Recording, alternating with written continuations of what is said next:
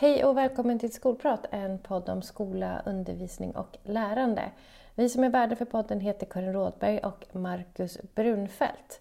Och I det här avsnittet så träffar vi Peter Fredriksson eh, som är Skolverkets generaldirektör. Eh, och vi pratar bland annat och framförallt om eh, de reviderade kurs och ämnesplanerna som träder i kraft den 1 juli i år. Ljudet är tyvärr bitvis inte klockrent i det här avsnittet, men vi hoppas att du uppskattar det ändå. Nu kör vi!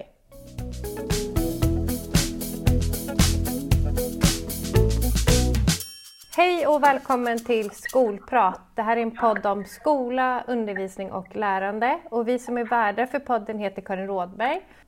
Och Marcus Brunfeldt. Och jag Karin, jag jobbar som utvecklingsledare och du Marcus, vad jobbar du som? Jo, jag är rekt. Jajamensan. Och idag så träffar vi Skolverkets generaldirektör Peter Fredriksson för att framför allt prata om de reviderade kurs och ämnesplanerna som träder i kraft nu den 1 juli i år.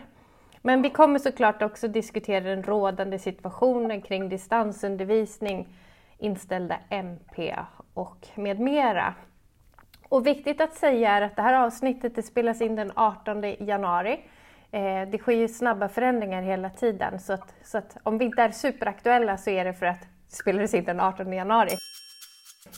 Hej Peter och välkommen! Hur mår du? Eh, hej Karin och hej Marcus. Det är bra med mig. Eh, vad jag vet så är jag frisk. Härligt, skönt att höra. Du var ju med här för ett år sedan ungefär i, i Skolprat. Och då har jag för mig att vi skulle prata om eran Skolverkets nulägesanalys. Men så fick vi byta fokus och prata om, om pandemin istället. Just det, så blev det. Eh, och idag så har vi ju tänkt, för vi står ju inför de här kommande revideringarna av kurs och ämnesplanerna på både grundskola och gymnasium. Om vi tar från början då Peter, varför har Skolverket valt att göra de här revideringarna? Vad är själva syftet? Ja, alltså vi har ju bestämt att vi ska kontinuerligt och systematiskt följa upp kursplanerna och jobba med revideringar snarare än med reformer. Eh, utifrån att kursplaner i någon mening är färskvara. Eh, mm. Samhället förändrats, eh, vilka kunskaper som är värdefulla och viktiga förändras över tid.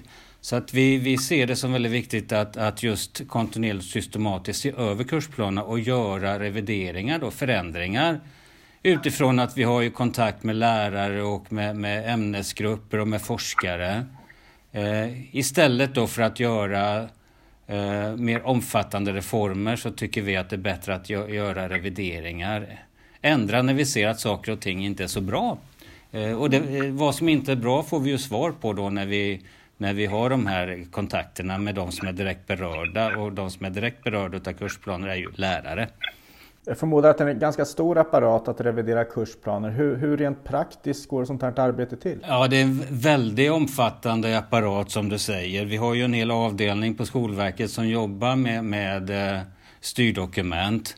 Eh, och eh, det är klart att de inleder ju med att titta på kursplanerna och, och se över eh, liksom, vilka eventuella förändringar man skulle kunna behöva göra vilka perspektiv man ska anlägga med revidering. Men sen har ju de väldigt mycket kontakter med lärare och ämnesgrupper och, och, eh, och också då eh, forskare.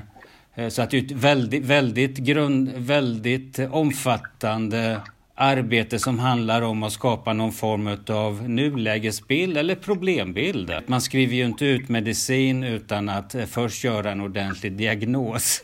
Så att det där diagnosarbetet det, det är väldigt omfattande. Och sen är det ett jätteomfattande arbete att, att, eh, att, att se över formuleringar och kanske paketera om det centralt innehåll på ett annat sätt.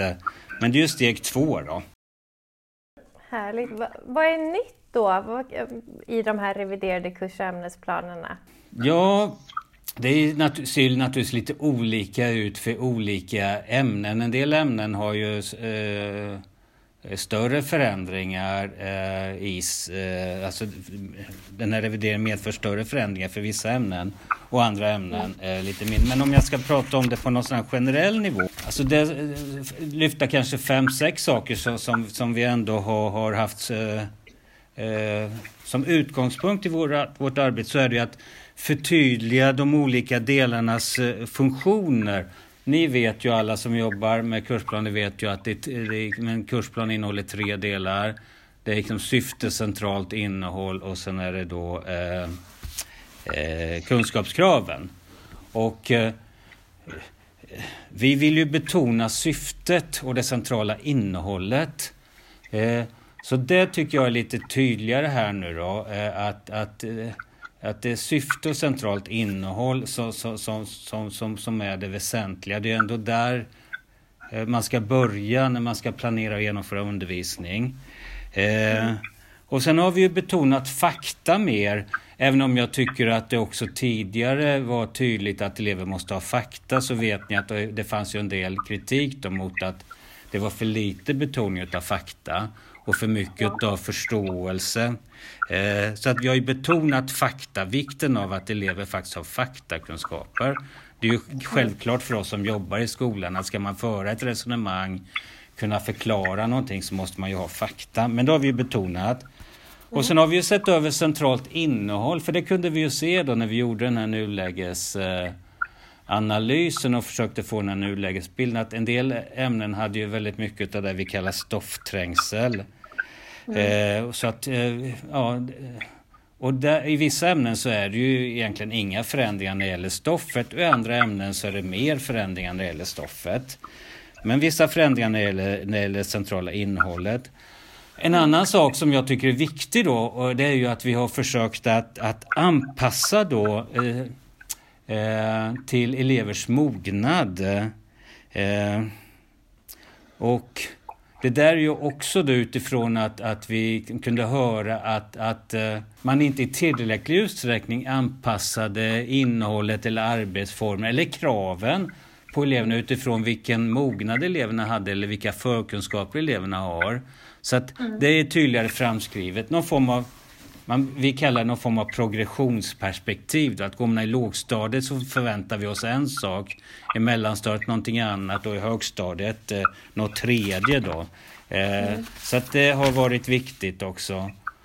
Och sen när det gäller kunskapskraven så har vi ju där eh, försökt att formulera kunskapskraven så att de är mindre detaljerade och mindre omfattande.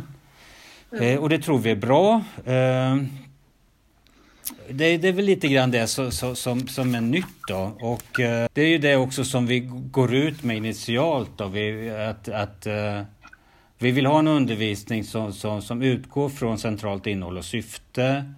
Eh, för annars får vi det vi kallar baklängespedagogik. Man måste liksom titta på de elever man har och anpassa utifrån elevers mognad. Eh, och som sagt var, det kan vara förändringar i centrala stoffet. En del en del, eh, en del centralt innehåll är ju flyttat då mellan stadier och så. så att, eh, det är väl lite, lite det som, så, som är nytt. Då. Mm. Vad tänker, vad blir den stora skillnaden för lärarna när de ska börja jobba med den här revideringen då första, ja, från och med höstterminen egentligen så kommer de ju att aktivt jobba med den. Eh, vad blir den stora skillnaden för dem? Ja, men vår, vår, vår avsikt har ju ändå varit att den här revideringen ska underlätta för läraren, att vi ska få innehåll och krav som är anpassade till, eh, till lärares eh, verklighet och förutsättningar. Ni vet ju ganska lätt då i styrdokument formulera eh, någonting som är bra. Men det kanske inte är hanterbart och då blir det ju en frustration. Jag tror att rätt många lärare eh, kan känna den där frustrationen när man tar del av styrdokument. Det är så oerhört mycket som man ska ta ansvar för. Det är så mycket innehåll och, och eh, eh, allt det där ska rymmas inom en fastställd timplan. Så att vi hoppas ju då att, att, eh, att lärarna känner att, att man har bättre kursplaner som blir bättre, att det blir ett bättre redskap för lärarna att, att eh, jobba med. Att man känner att ja, men det, här, det här hinner jag med, det här klarar jag av. Eh, eh det, och då, det är ju så att kursplaner är ju skrivna för lärare. Eh, och, och, då måste de ju kunna fungera för lärarna. Lärarna måste ju känna att ja, men det här är det jag behöver. Eh, nu vet jag vad jag har ansvar för och jag kan känna att jag också kan ta detta ansvaret. Och för eleverna då? De, de kommer ju inte läsa de här revideringarna, men hur kommer de märka av det i skolan? Kommer de att lära sig mer nu? Ja, alltså det som är viktigt för eleverna det är ju hur undervisningen utformas. Det är ju inte vad som står i styrdokument. Alltså, ni vet, vi, vi har ju fått kritik för att elever inte förstår kursplanerna och det tycker jag är Ja, jag tycker att det är lite lustigt då att, att man tänker sig att elever ska förstå någonting som vänder sig till lärare som har fyra, fem års akademiska studier och lång erfarenhet. De här kursplanerna är verkligen inte skrivna för elever. Det eleverna ska förstå det är ju undervisningen. Och då hoppas jag ju då, om, det blir, om kursplanerna blir ett bättre redskap för lärarna, ja, men då blir det också lättare för lärarna att utforma en undervisning som eleverna kan möta. En undervisning som är anpassad eh, till elevernas mognad, eh, en undervisning som ställer liksom, eh, rimliga krav på eleverna eh, utifrån vad man kan förvänta sig att de kan, utifrån den mognad de har. Och att det då också blir ett rimligt innehåll. Det blir ju stressigt både för lärare och elever när det är väldigt mycket innehåll som ska in på de här få timmarna man har. Så att vi hoppas ju då att det ska till att börja med bli ett bättre redskap för lärare men också göra att, att undervisningen för elever blir, blir liksom bättre eh, anpassad till deras eh, eh mognad och vad de eh, kan klara av. Och ja, vi har ju, vi, det här ska ju börja implementeras nu under våren på, på, på skolorna. Och ni stöttar ju i det. Eh, det finns jättebra material på Skolverket till exempel kring de här implementeringarna. Men hur tänker Skolverket att man ska stötta för det, det, här är ju inte bara en sex månaders period när vi ska lära oss det nya, liksom, utan det här ska ju sen, som du har pratat om, också bli ett redskap framåt. Så hur, hur kommer ni att stötta både kort och långsiktigt i att verkligen få till det här? För det är väldigt bra texter har jag sett om eh, och det är väldigt bra material, men hur ska man hålla i i det här? Ja, alltså eh, kortsiktigt är det ju så att vi har redan presenterat eh, stödmaterial som då förklara mer övergripande. Vi har gjort lite grann det som jag varit inne på här som svar på, på, på, på era frågor. Då. Eh, och sen kom ju då lite längre fram under våren så kom ju mer ämnesspecifikt stödmaterial som visar då vad är aktuellt i svenskämnet eller i matteämnet eller historieämnet. Och det var någonting som jag var väldigt tydlig med när vi pratade om hur det här skulle implementeras. Att som mattelärare är man ju speciellt intresserad av att veta men vad händer i matteämnet och då är det bra om det finns tydligt eh, eh framskrivet då i någon form av stödmaterial så att det kom ju. Eh, men sen som svar på din fråga Karin, alltså, jag tycker ju om skolor eh, där man he egentligen hela tiden är i styrdokumenten. Eh, nu måste man ju vara det. Om man ska implementera nya styrdokument så måste man ju avsätta tid för det och sätta sig in i vad som står i de här styrdokumenten. Men, men som sagt var, jag gillar ju skolor och lärare som egentligen hela tiden när de eh, träffas i ämnesgrupper, i det här kollegiala lärandet, faktiskt, ja de är i, de är i styrdokumenten, de är i själva uppdraget och funderar på ja, vad är det vi ska åstadkomma och hur jobbar vi och skulle vi kunna jobba på ett annat sätt? Eh, så att, nej, det, det är ingenting man kan göra nu under, under våren och sen lägga de där styrdokumenten åt sidan. Utan jag tycker att man hela tiden ska gå omkring och tänka på de där styrdokumenten och prata om det med kollegor. Eh, det, det bör liksom vara ett stående inslag i, i, i skolans arbete. Man säger så här, ett, ett, ett normalt år så är det sådana här med en revidering av kursplaner, det ser vi från skolans håll och från skolledningens håll som ett väldigt nyttigt fortbildningsarbete på skolorna. Det blir lite i år, det skulle vi också vilja att det är, men att det kanske blir lite budskapet från er samtidigt och även från utbildningsministern, det är att vi som lite ska fokusera, just under våren nu under pandemin, vi ska fokusera undervisningen och pausa lite utvecklingen. Det blir alltså lite det här, hur, hur, har du något tips om hur vi kan förhålla oss? För vi, vi står ju ändå där med ett gäng ja, till viss del i alla fall, lite pandemitrötta om man nu kan kalla det så, lärare? Jo, men det där är en jättebra fråga eh, och vi har ju själva ställt oss den. Det är ju så att, eh, att det är regeringen som fattar beslut om när de nya kursplanerna ska börja gälla. Och ni vet ju då, vi har ju pratat om det, att de ska ju gälla då från och med eh, höstterminen 2021. Och samtidigt som ni säger så är vi mitt i en pandemi. Och ministern säger och, och, alla andra säger att fokusera på undervisningen. Lägg sånt åt sidan som man inte behöver göra.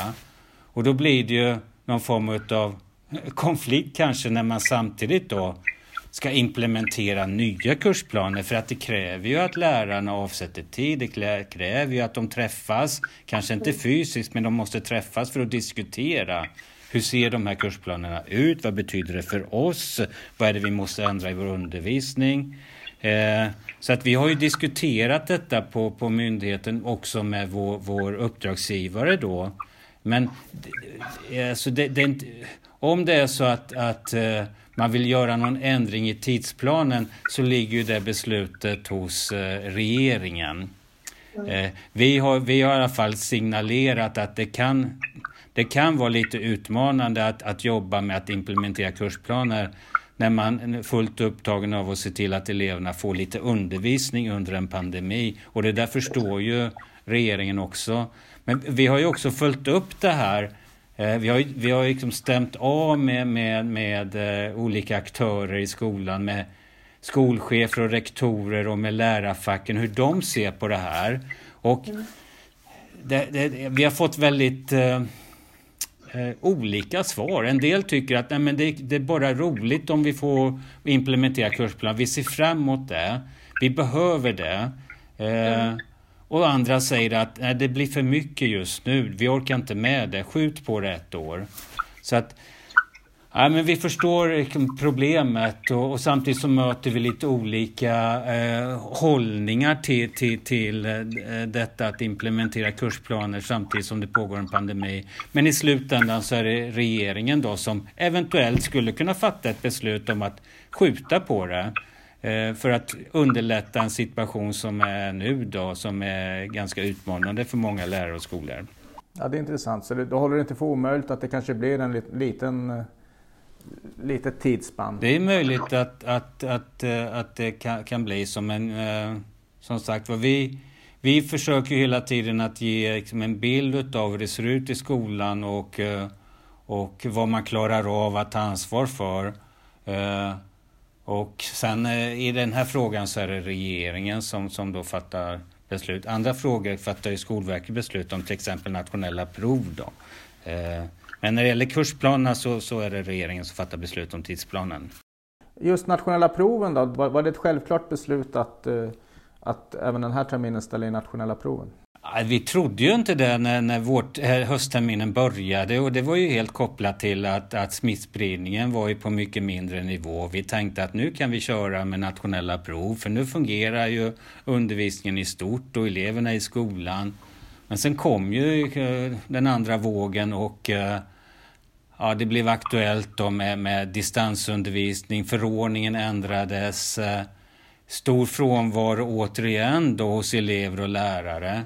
Och utifrån det, det var inget självklart beslut eh, som svar på din fråga, men, men också här så hade vi ju kontakter då med, med, med skolans olika aktörer för att få lite koll på hur, hur, hur, ser det ut och vad gör man själv för bedömning? Kommer man att kunna ha nationella prov när vi har en smittspridning som ser ut som den gör med de konsekvenser som det får för skolan? Och, ja, sen gjorde vi, vi liksom någon form av sammanvägd bedömning och ytterst jag då som, som kom fram till att nej, men det är svårt eh, i det läge vi är och att, att ha nationella prov. Jag förmodar att det inte är något lätt beslut heller. Men ni har erbjudit nu en form av bedömningsstöd till skolorna istället.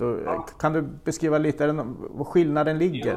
Men det, det, är ju så att många lärare tycker om de nationella proven och det är bra för de kostar väldigt mycket pengar och, och eh, eh mycket resurser. Så att det är bra att många lärare tycker om nationella prov. Också många elever tycker om nationella prov. Och att man tycker att det är värdefullt att ha de här proven med sig när man då gör eh, någon form av eh, bedömning av elevers kunskaper när man ska sätta betyg.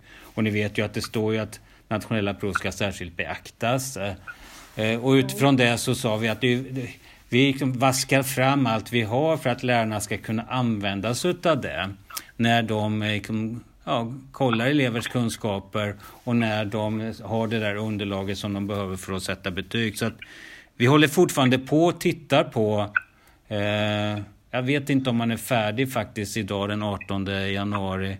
Men läroplansavdelningen håller på att titta på vad det är man kan skicka ut då. Så att eleverna ska, eller lärarna ska kunna få olika stöd då. För, för, mm. för att följa upp elevers kunskaper och sätta, i slutändan kunna sätta betyg.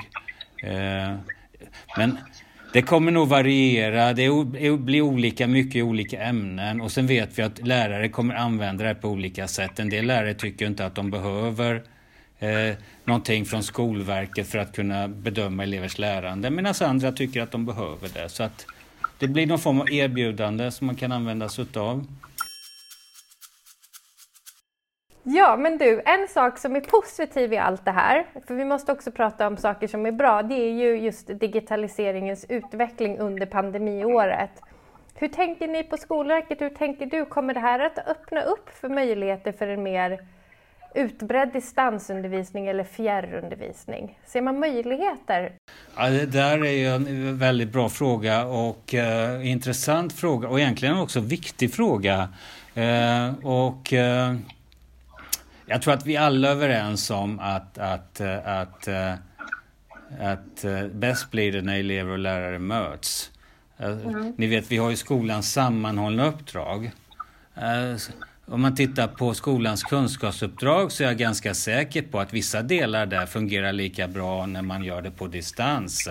Men sen har vi ju då det här värdegrundsuppdraget, elevers sociala utveckling.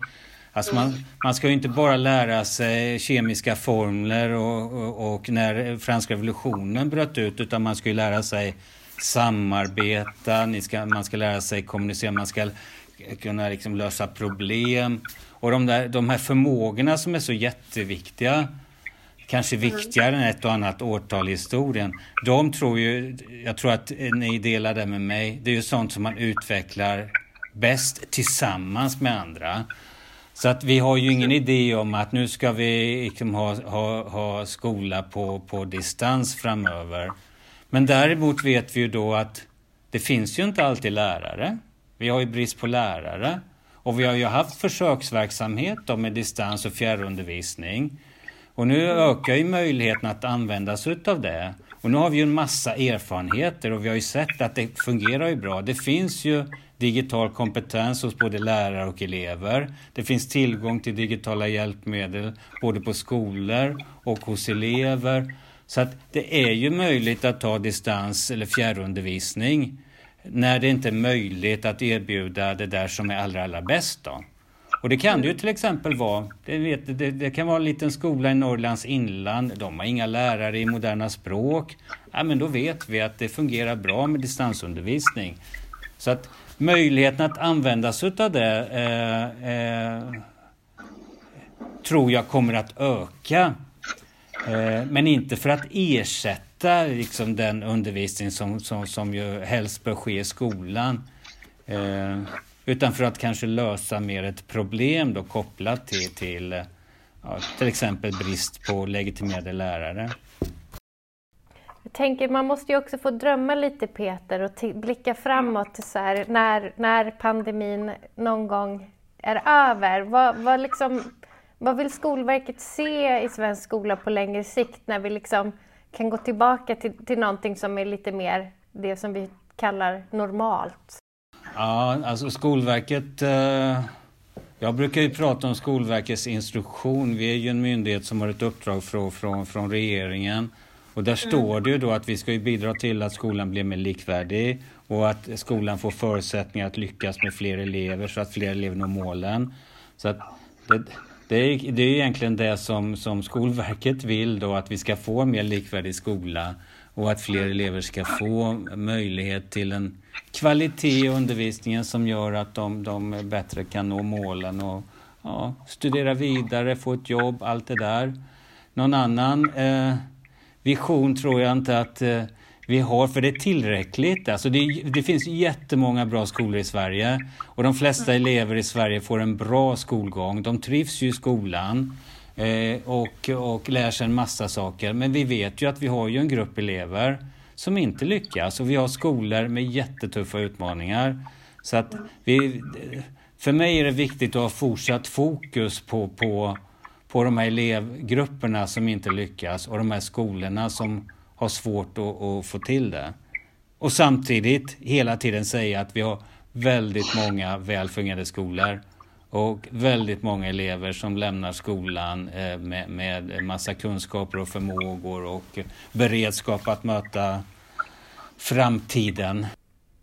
Ja, nej men det, det, det låter eh, som nog, nog eh, att, att se till att barnen kommer vidare och att de får en bra framtid. Det, det är ju grunduppdraget såklart.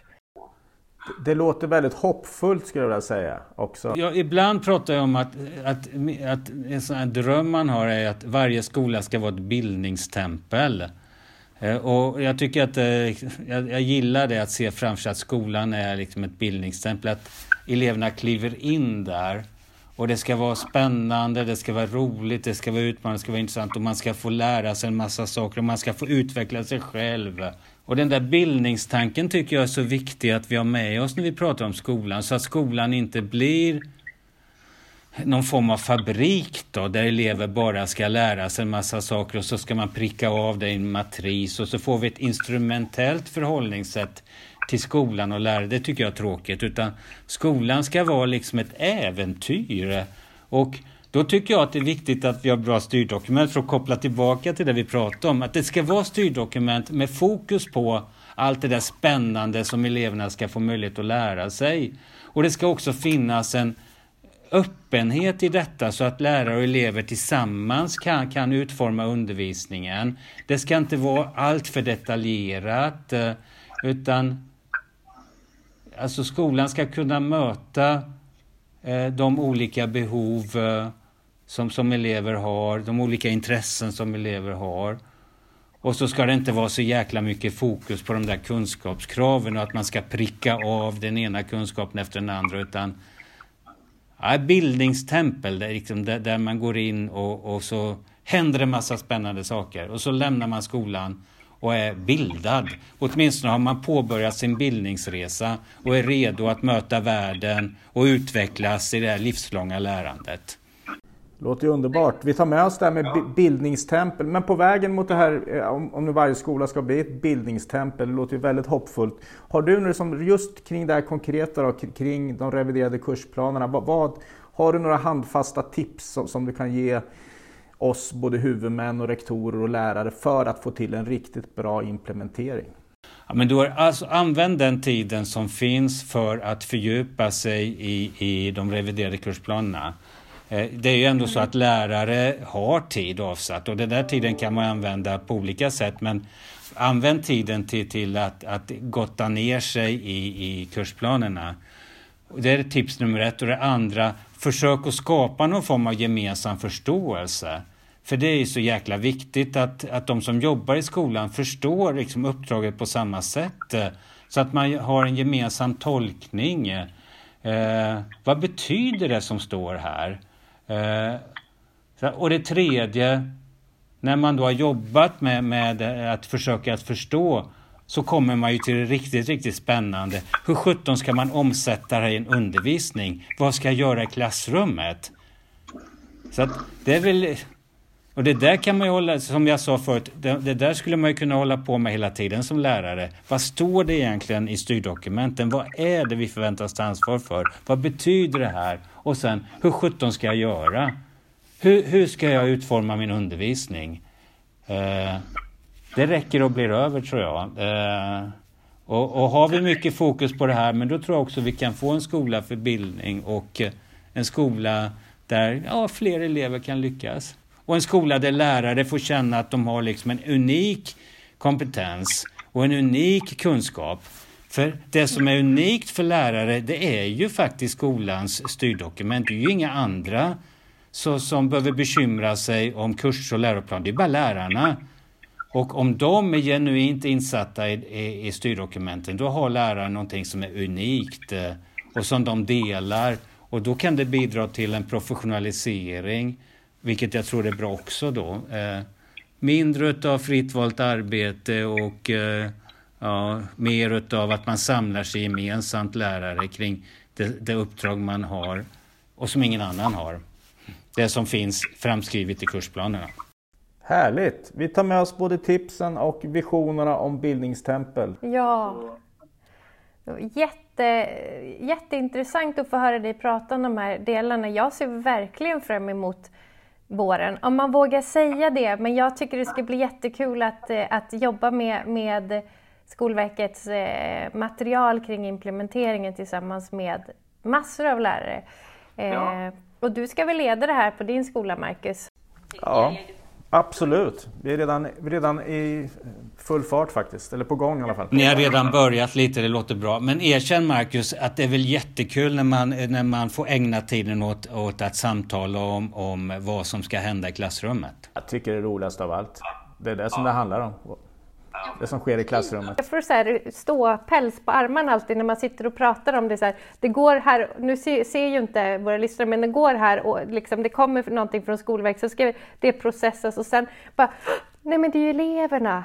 Det är ju, oh, det, Fantastiskt. Tusen tack för att du tog dig tid att vara med Peter och vi får säkert eh, tillfälle att bjuda in dig och prata kanske mer om, om eh, bildningstempel vid tillfälle för det vore jättekul att, att fördjupa sig mer i hur vi kommer dit. Ja, det finns mycket att säga om det. Det tar vi någon annan gång, Karin och Marcus. Det var jätteroligt att få vara med. Önskar er lycka till. Detsamma. Tack så mycket. Lycka till.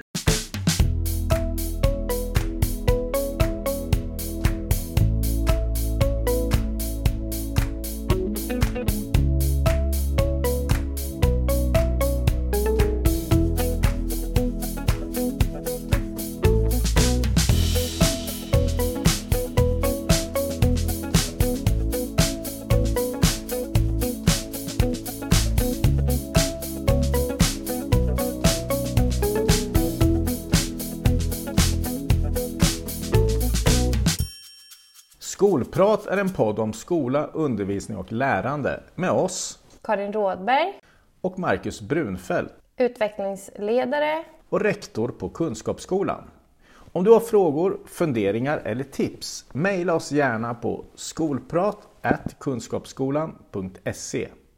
Och gillar du podden? Tipsa gärna en vän.